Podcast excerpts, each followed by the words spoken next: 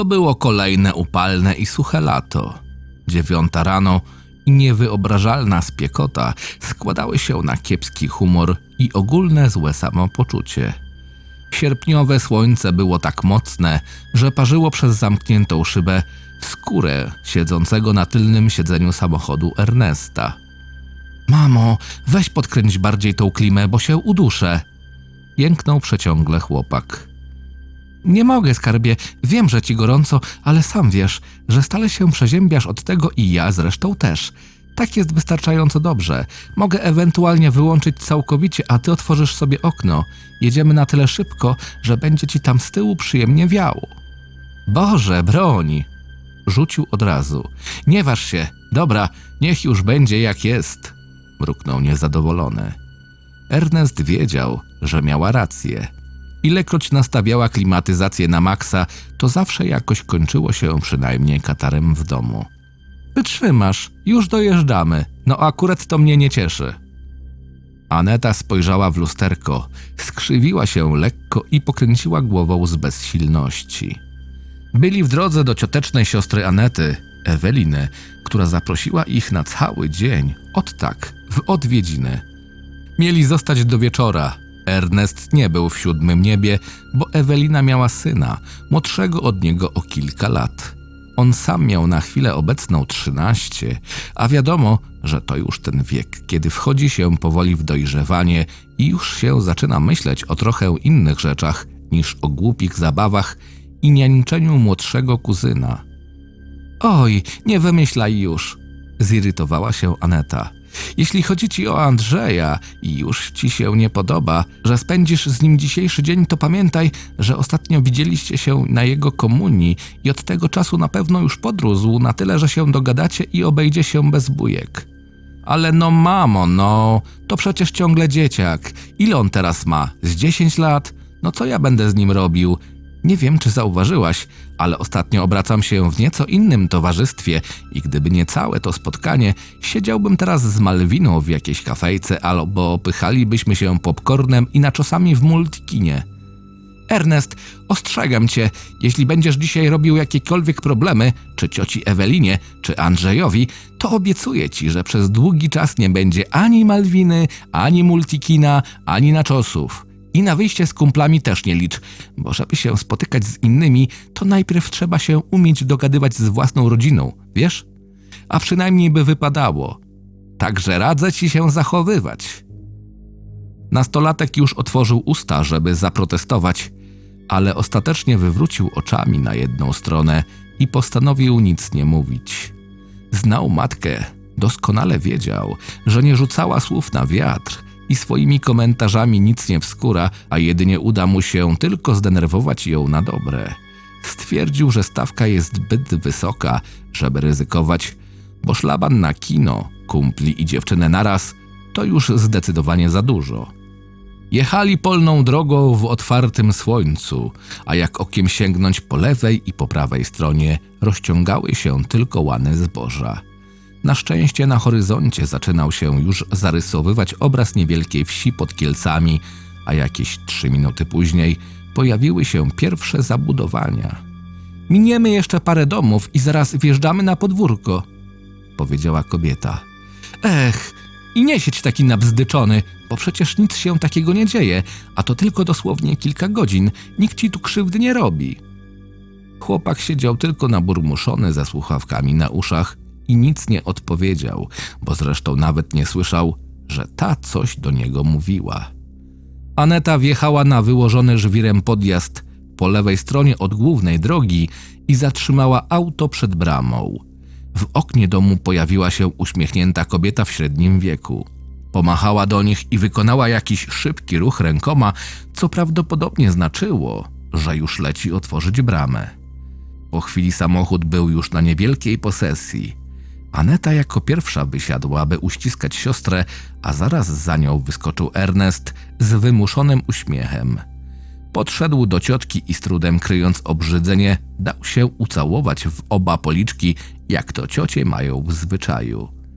Nareszcie jesteście! Wykrzyknęła z szerokim uśmiechem Ewelina. Tak się cieszę, że przyjechaliście. Strasznie długo nie widzieliśmy się. Prawda, Anetko? Ostatnio chyba nawet na komunii mojego Andrzejka w maju kilka lat temu. tak, masz rację. A właśnie, gdzie ten nasz Andrzejek? Jestem ciekawa, jak się zmienił przez ten czas. Ernest też już nie mógł się doczekać w samochodzie. Chłopak na te słowa obrócił gwałtownie głowę w stronę matki, ściągając gniewnie brwi i ściskając szczękę, co świadczyło o tym, że to absolutnie nie była prawda. Ta spiorunowała go z wzrokiem, co przypominało mu o groźbach, jakie dziś usłyszał w razie niewłaściwego zachowania. Stanął spokojnie, obciążając lewe biodro i czekał tylko bezradnie na dalszy rozwój wydarzeń. A, tak, już go wołam. Kobieta o promiennym uśmiechu odgarnęła rzadką grzywkę z czoła. Weszła na schodki i otwierając drzwi zawołała. Synku, już przyjechali, zejdź do nas. Po chwili rozległy się szybkie kroki zbiegającego z piętra chłopca i w progu ukazał się niski blondynek o jasnych oczach i piegowatej buzi. Ubrany był w zwykły t-shirt z jakimś kolorowym nadrukiem i krótkie spodenki do kolan. Na ręce miał elektroniczny zegarek, a na nogach stare, zużyte już tenisówki wyblakłego niebieskiego koloru. Chłopiec często spacerował po okolicznych polach, a także zaglądał co jakiś czas do pobliskiego lasu, więc obuwie było już trochę zniszczone. No chodź tutaj, powiedziała Ewelina przywołując go ręką. Nie wstydź się, no przecież się już widzieliście, przywitaj się. Andrzej podszedł nieśmiało do gości i wbił wzrok w ziemię. Witaj, ciociu, cześć Ernest. Ten nawet na niego nie spojrzał, bo zresztą i tak niewiele widział spod swojej długiej grzywki na oko. Odburknął coś tylko niejednoznacznie i nawet nie zrobił kroku w jego stronę. Cześć Andrzejku! Powiedziała Aneta wyciągając ramionę w stronę chłopca. Ale ty urosłeś! No, no! Prawdziwy mężczyzna! Już całkiem inaczej wyglądasz. No i rysy ci się zmieniają. Chłopiec uśmiechnął się uradowany słowami ciotki, bo sam czuł, że to prawda. Czuł się już wyższy, silniejszy i taki męski. Poza tym lubił, gdy ktoś się o nim wypowiadał w ten sposób. Ernest natomiast nie mógł już tego słuchać. Wiele by dał, żeby znaleźć się już w środku, najlepiej w kuchni ze szklanką lemoniady z lodem, byleby nie stać na tym skwarze i nie uśmiechać się do siebie na siłę bez sensu. Tego typu słodkie słówka i pieszczotliwe powitania uważał za całkowicie zbędne, a dzisiaj to już w ogóle zbierało mu się na pawia. No to co, kochani, może coś zjecie? Jesteście z drogi, więc na pewno nie, nie, zjedliśmy duże śniadanie przed wyjazdem, a teraz poprosiłabym cię bardzo o coś chłodnego do picia, jeśli mogę. O, jasne, jasne, pewnie. To usiądźcie na tarasie. Tam z drugiej strony domu są krzesła i stolik ze szklankami, a ja już niosę zimny sok pomarańczowy i kompot z młodych malin. Sama robiłam. Ja chcę kole. Ernest! Syknęła przez zęby Aneta, ale chłopak tylko wzruszył ramiona i popatrzył pod nogi. Kobieta machnęła tylko ręką, znowu się uśmiechnęła i zniknęła we wnętrzu domu, by po chwili pojawić się z dwoma dzbankami napojów. Ej, jak chcesz kole, to nie ma sprawy. Jest na górze, w lodówce. Kupiłem sobie ostatnio, bo też mi się zachciało. Teraz takie upały. Serio, masz? Ucieszył się Ernest. To mogę sobie wziąć? Jasne, idź. Po schodach i drugie drzwi po lewej. Tam mamy kuchnię, trafisz. Dzięki, stary, tobie też przyniosę. Nawet nie wpadło mu do głowy, żeby zdjąć buty w korytarzu. Wleciał pędem na górę, zatrzymał się na moment i dopiero rozejrzał. Piętro składało się z kilku pomieszczeń. To, do którego drzwi były całkiem otwarte, było kuchnią, co spostrzegł po zabudowie, dużej wyspie z boku i ogromnej, szarej lodówce, którą było świetnie widać już z korytarza.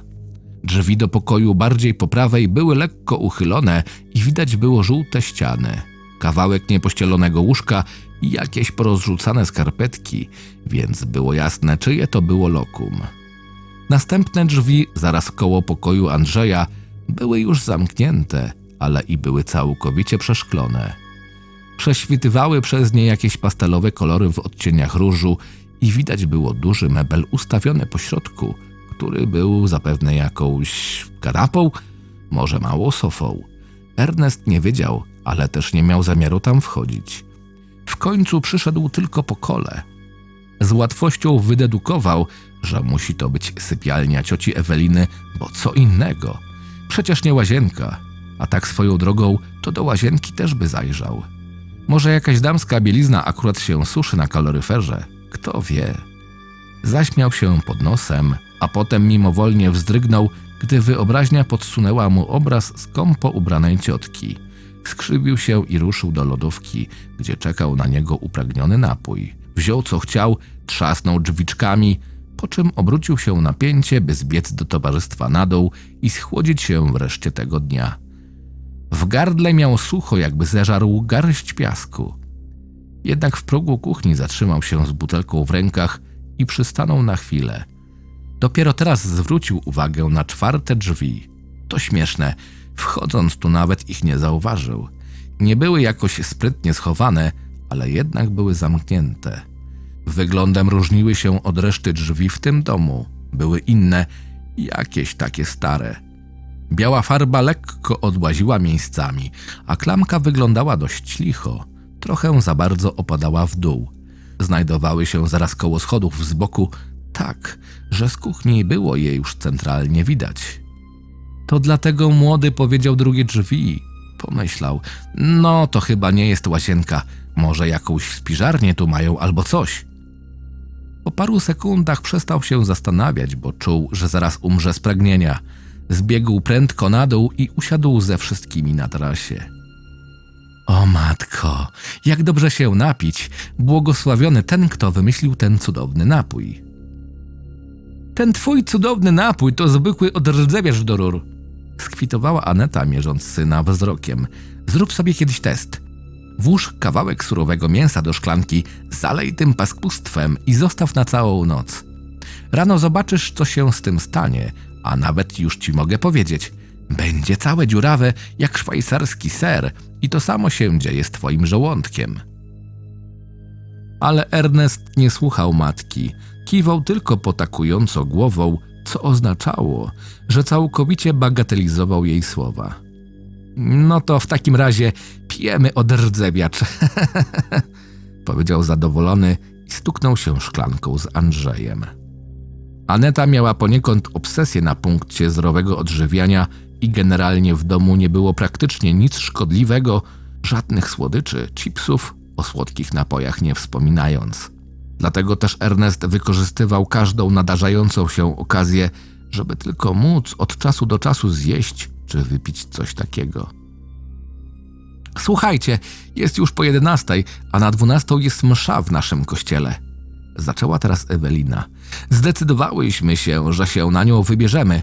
Wujek Krystian był ostatnio ciężko chory, a teraz znowu gorzej się poczuł. Wypadałoby się pomodlić za niego, zawsze to coś pomoże. Oczywiście możecie iść z nami, jeśli chcecie. Przejdziemy się jeszcze po wsi i może wejdziemy do sklepu po jakieś lody. To co? Do kościoła? I wy wierzycie w te średniowieczne bzdury? No nieźle, ale skansen. Zachichotał wrednie Ernest, wyśmiewając plan ciotki. Jednak natychmiast się opanował, przypomniawszy sobie o konsekwencjach tego, co właśnie robi i dodał tylko sorry. Tak, y, w takim razie rozumiem, że zostajecie i czekacie na nas tutaj. Chyba, że ty, Andrzej, chcesz iść? Zapytała ciotka. Nie, mamo, ja też zostanę. Teraz będzie największy upał, bo akurat nadchodzi południe, więc bardzo bym marudził. Poza tym nie chcę, żeby Ernest siedział sam, a tak to sobie coś porobimy, pogadamy, no wiesz. Hmm, może to lepiej, pomyślała Ewelina. Jej też nie uśmiechało się zostawiać chłopaka samego u nich w domu. Nigdy nie wiadomo, na co mógłby trafić. W końcu każdy ma jakieś tajemnice. No, to my się zbieramy, powiedziała Aneta, wstając z krzesła i zabierając torbę. Nie bierzemy samochodu, chętnie się przejdę i rozprostuję nogi po podróży. Wszystko macie w domu. Gdybyście czegoś potrzebowali, Ernest, Andrzej ci wszystko pokaże, co gdzie jest. Jedzenie macie na blacie w kuchni, odgrzejcie sobie na ogniu albo w mikrofalówce, a picia jest pełno. Powinnyśmy być najdalej za kilka godzin, bo ta msza będzie trwała godzinę i pewnie pokręcimy się jeszcze po okolicy. Nie wiem, czy nie pójdziemy tam pod las się też przespacerować. Zobaczymy, na ile znam starsze sił. Ale wy tu sobie poradzicie, co? No jasne, ciociu, uspokajał Ernest. Nie ma strachu. Chałupy z dymem nie puścimy, co nie, młody? Ewelina wyglądała, jakby mniej więcej właśnie się tego bała. Zabrała ze stołu komórkę, dosunęła krzesła z Anetą i poszły w stronę furtki. Tylko nie rozwalcie domu i uważajcie na stare wazy w korytarzu. Andrzej, ty wiesz, które? Krzyknęła już za furtką Ewelina i obie pomachały w ich stronę. Dobra, spoko! Odkrzyknął Andrzej i ruszył w stronę Ernesta, który stał teraz na jednej z grządek ogrodowych, depcząc całkiem już wyrośnięte czerwone kwiaty. Oglądał dom, tym razem z zewnątrz. Wcześniej jakoś nie było czasu, żeby to dokładniej zrobić. Był całkiem normalny, zdawał się mieć wszystko to, co te w okolicy. Białe ściany, czerwona blachodachówka, antena przytwierdzona w pobliżu balkonu i pranie suszące się na nim czyniło z niego zwyczajny, pospolity dom wiejski. Niczym się nie wyróżniał, ale chłopak zauważył jedną istotną rzecz. Budynek był dwupiętrowy, a przynajmniej było to jedno z piętro z jakimś poddaszem. Świadczył o tym mały świetlik tuż pod spiczastym zwieńczeniem dachu, a to oznaczało, że tajemniczym pokojem był zapewne strych. Ernest się ucieszył. Nie miał u siebie czegoś takiego, bo akurat mieszkali w dwupokojowym mieszkanku w bloku na parterze. Okrągłe okienko musiało być jedynym źródłem światła w tamtym pomieszczeniu, bo Ernest obszedł cały dom, ale innych okien na tej wysokości po prostu nie było, a dach był ich pozbawiony. Z zadumy wyrwał go Andrzej. Ale patelnia, co? A co ty tak zadzierasz głowę do góry? spytał za jego pleców. Kurde, młody, przestraszyłeś mnie. Ta? A co ty taki strachliwy jesteś? Nic, po prostu się tak nie skradaj, strasznie cicho chodzisz. A teraz sobie patrzę, co tu macie ciekawego, ale chyba nic. Normalna, zwykła wiocha i zwykła chata jak wszędzie. Nuda. Nieprawda! Oburzył się chłopiec. Mamy kury za domem i króliki. Mama ma piękny ogród, a raczej miała, póki go nie zdeptałeś. Powiedział smutno, patrząc, gdzie stoi chłopak. A w budzie leży Sonia, jak się chcesz z nią pobawić. Umie sztuczki i jest bardzo zdolna. Sonia była w rzeczywistości dużym, białym owczarkiem podhalańskim, który leżał teraz w cieniu budy i ciężko dyszał z wywieszonym językiem. Ernest popatrzył w tamtą stronę. Biedne zwierzę, pomyślał. Pewnie męczy ją bez przerwy swoimi głupimi tresurami. Nie wygląda, jakby się chciała bawić. Powiedział na głos. Bardziej jakby konała z pragnienia. Przyniósłbyś jej jakąś wodę na ten trawnik albo coś. Nic jej nie jest. Wie, gdzie ma wodę. W kuchni. Jakby chciało się jej pić, to by sama poszła. Mam też konsolę na górze. Możemy sobie w coś pyknąć. Zobaczymy, kto jest lepszy. Powiedział z nutką chęci rywalizacji w głosie. No, niby można zagrać rundkę, ale to nie jest jakieś fenomenalne, stwierdził. A powiedz mi, mały, co to są za drzwi tam zaraz koło kuchni, czy tam koło schodów bardziej? A, to!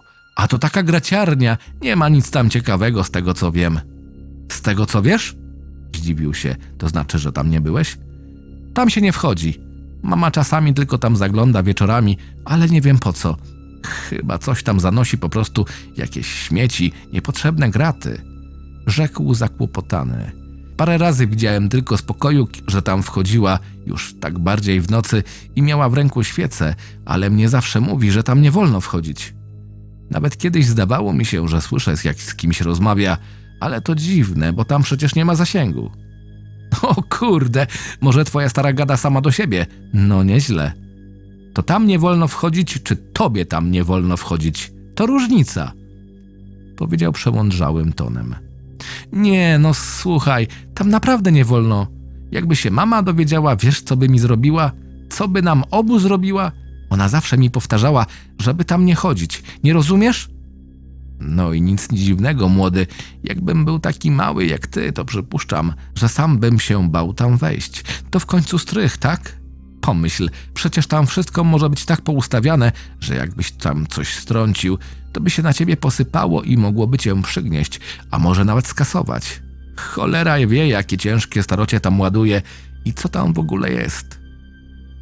Wiesz, jakoś nigdy mnie niespecjalnie nie ciągnęło, żeby to sprawdzać. A mnie i owszem, powiedział zacierając ręce i ruszył do środka. Ernest, nie wchodź tam, proszę. Jak to zrobisz, obaj będziemy mieli. Dobra, już, bo się zesrasz, nie wejdę. Uspokajał chłopak z lekkim uśmieszkiem, który już oznaczał jakiś pomysł, ale Andrzej o tym nie wiedział. A teraz chodź na górę, zobaczymy co tam masz na tę konsolę, bo mi jeszcze zarzucą, że się tobą nie zajmuję, a wtedy to ja będę miał prawdziwy problem, uwierz mi. Andrzej nieco uspokojony odetchnął z wyraźną ulgą i obaj poszli do jego pokoju. Zagrali w fifę. Chłopiec próbował dorównać starszemu kuzynowi, ale trochę mu brakowało do jego poziomu. Był zręczniejszy i znacznie szybszy od niego. Od razu widać było, na co poświęcał czas z kolegami. Oczywiście parę trafień było kwestią, jak to mówił Andrzej, farta, ale zdecydowanie przebijało się już tutaj jakieś doświadczenie.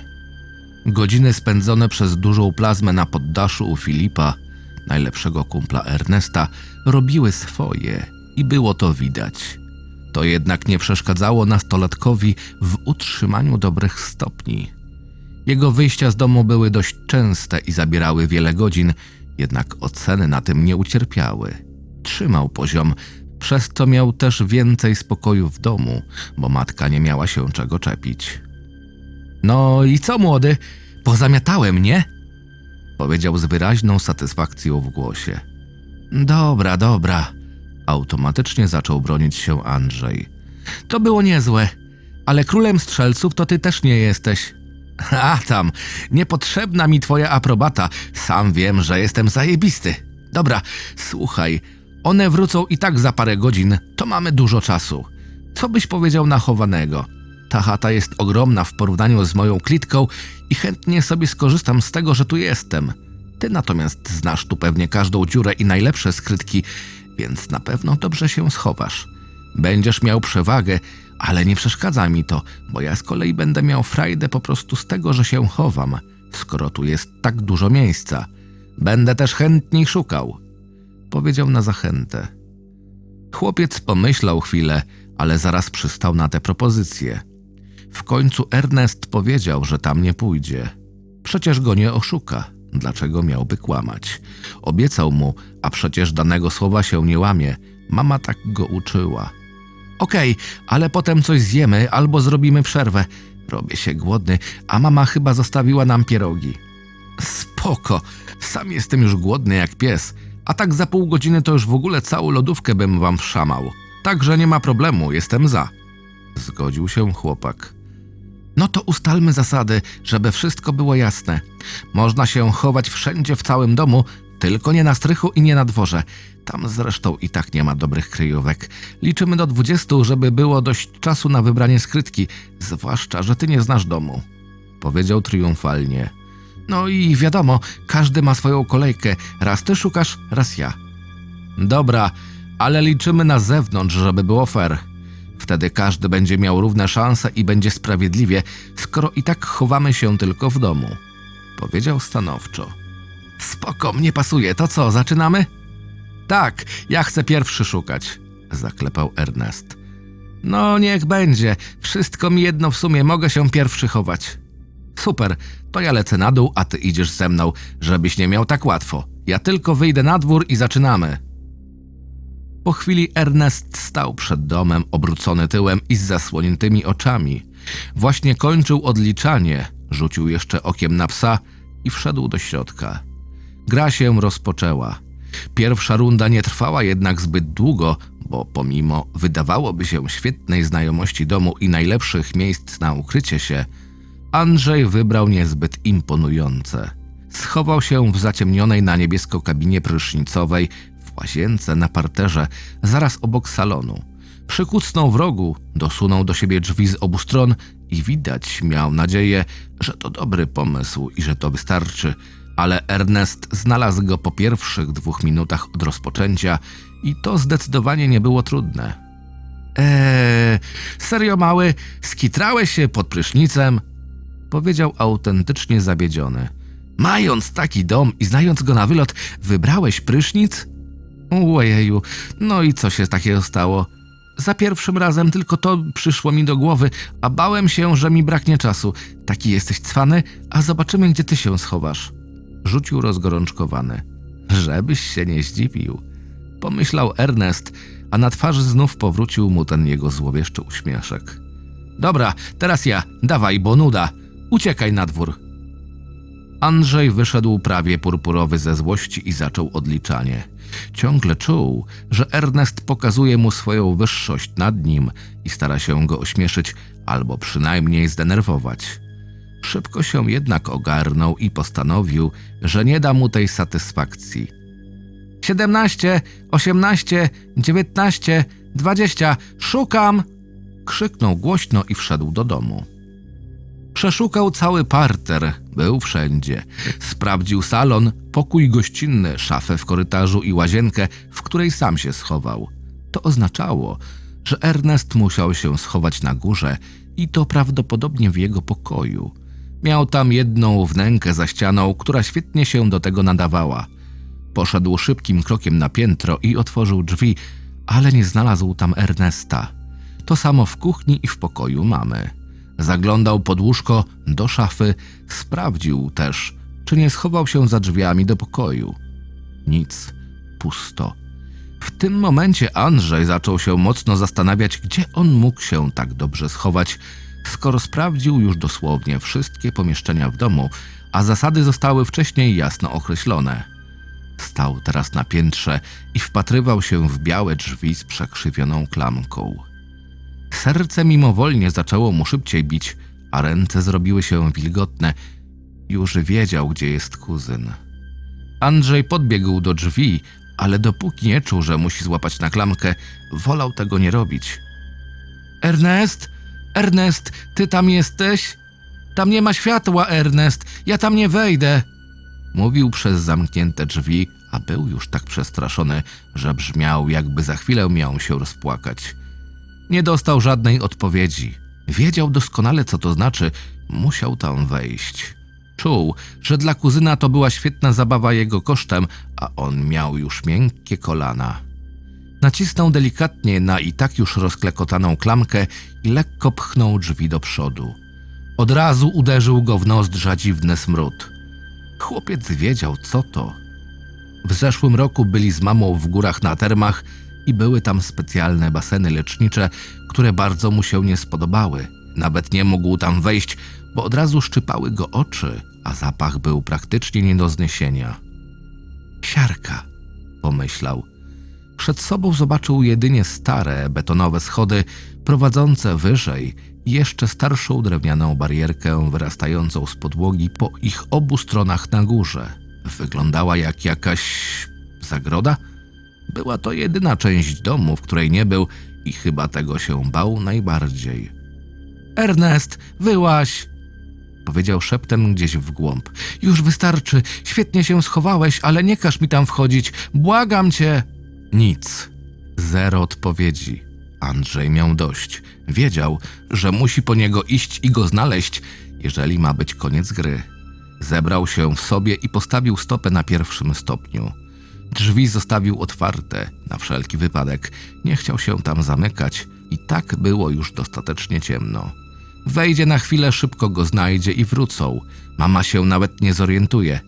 Zaczął się spinać po schodach. Z każdym kolejnym krokiem robiło mu się coraz gorzej. Nie powinno go tu być. Ernest okazał się paskudnym kłamcą. Obiecał mu, że tam nie pójdzie.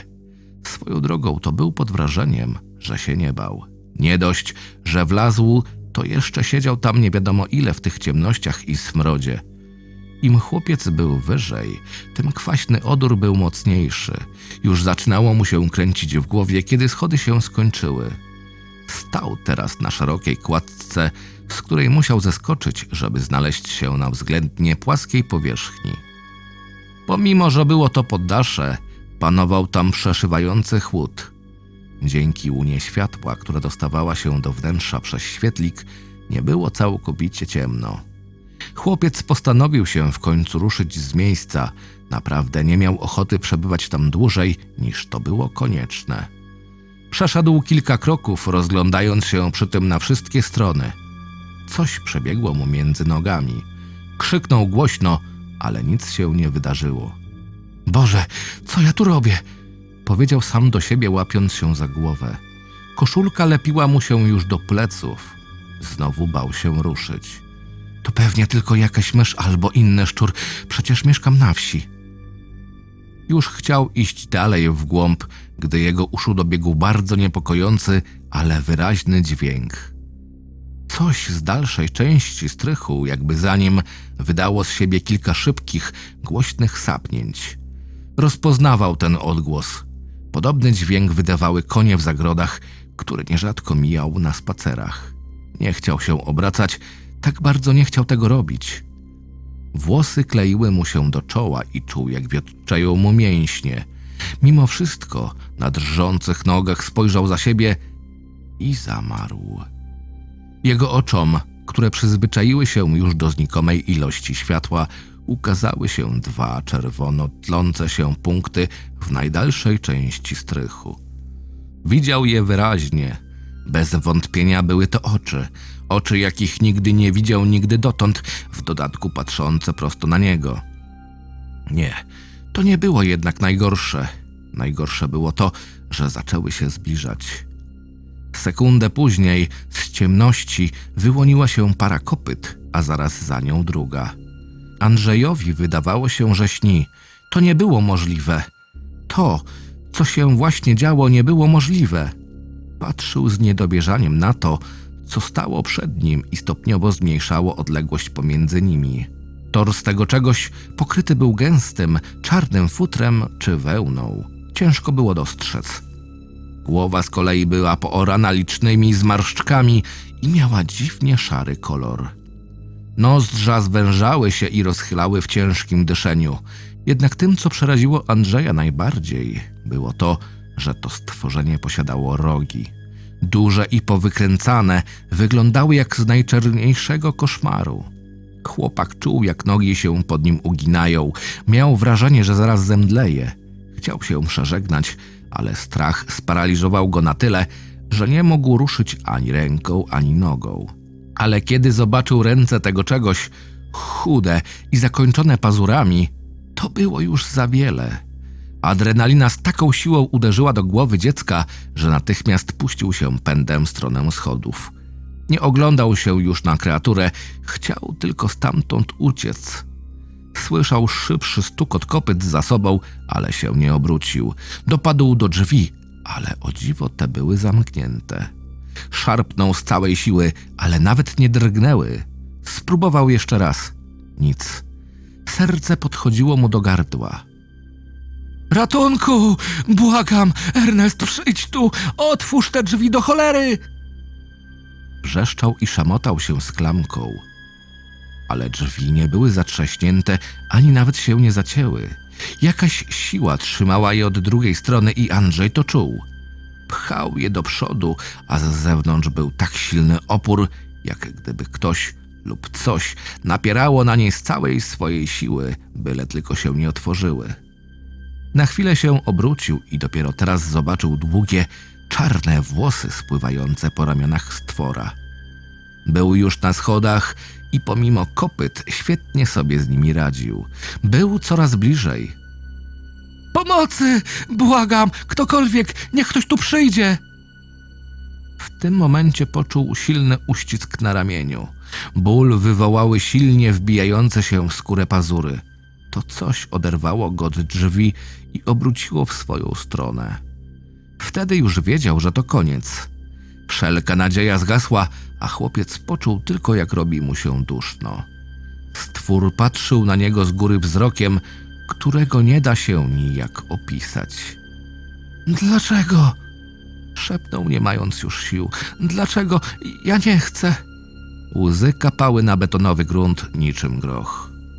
Potwór otworzył pozaklejaną jakąś wdzieliną paszczę, ukazując dwa rzędy ostrych jak brzytwa, zakrzywionych zębów i długi język. Był to ostatni obraz, jaki Andrzej widział. Potem nie było już nic. Ernest wciąż kulił się pod parapetem na balkonie. Musiał zasłaniać twarz rękoma, bo słońce świeciło mu prosto w oczy i grzywka niewiele tu pomagała. Już go bolały i plecy, i nogi. Miał wrażenie, jakby minęło już z pół godziny od kiedy tam siedzi. Czuł, że zaraz stamtąd wyjdzie i pokaże temu małemu szczylowi, jak się szuka, bo chyba tamtym razem nie wystarczyło. Ileż można było szukać kogoś we własnym domu? Czyżby przeszedł samego siebie i jego pomysł ze schowaniem się na balkonie był aż tak dobry? Przecież to nie była jakaś wielka filozofia sprawdzić też tutaj. Balkon to nadal część domu, więc chyba logiczne, że też wchodził w grę. Ja pierdzielę, jak ludziom trzeba wszystko tłumaczyć. Irytował się wchodząc do środka. Wyszedł na korytarz na piętrze i stanął przy schodach. Ej, młody, poddajesz się? Już nie chce mi się w to grać, za stary chyba jestem na to. Widocznie ty jesteś beznadziejny, tak samo w chowaniu się, jak i w szukaniu. Ale już trudno, to niczyja wina. Chodź tu, bo już serio mega głodny jestem. Nikt się nie odezwał. Ernest miał dziwne i nieodparte wrażenie, jakby w domu nie było żywego ducha. Zrobiło mu się trochę nieswojo. Ej, no nie zgrywaj się. Sorry za tamto, ale no nie obrażaj się, bo jak matki wrócą, to będę miał przerąbane. No, wychodź! Jego wzrok padł na białe drzwi. Zastanawiał się, czy Andrzej tam mógł wejść, skoro tak się bał. Może pomyślał, że tam jest. Co prawda miał zamiar tam się schować, ale dopiero później, jakoś po kilku rundach, żeby dzieciak wcześniej nabrał do niego zaufania. Dopiero potem wykręciłby mu z chęcią taki numer, ale teraz? No nic. Wyglądało na to, że musiał sprawdzić, ale wraz z tą myślą ogarnęło go jakieś dziwne uczucie niepokoju. Zbliżył się do drzwi, nacisnął klamkę i od razu poczuł mocny zapach siarki. Scenariusz Karolina Czaja czytał Krystian Kieś. Zapraszam do subskrypcji mojego kanału.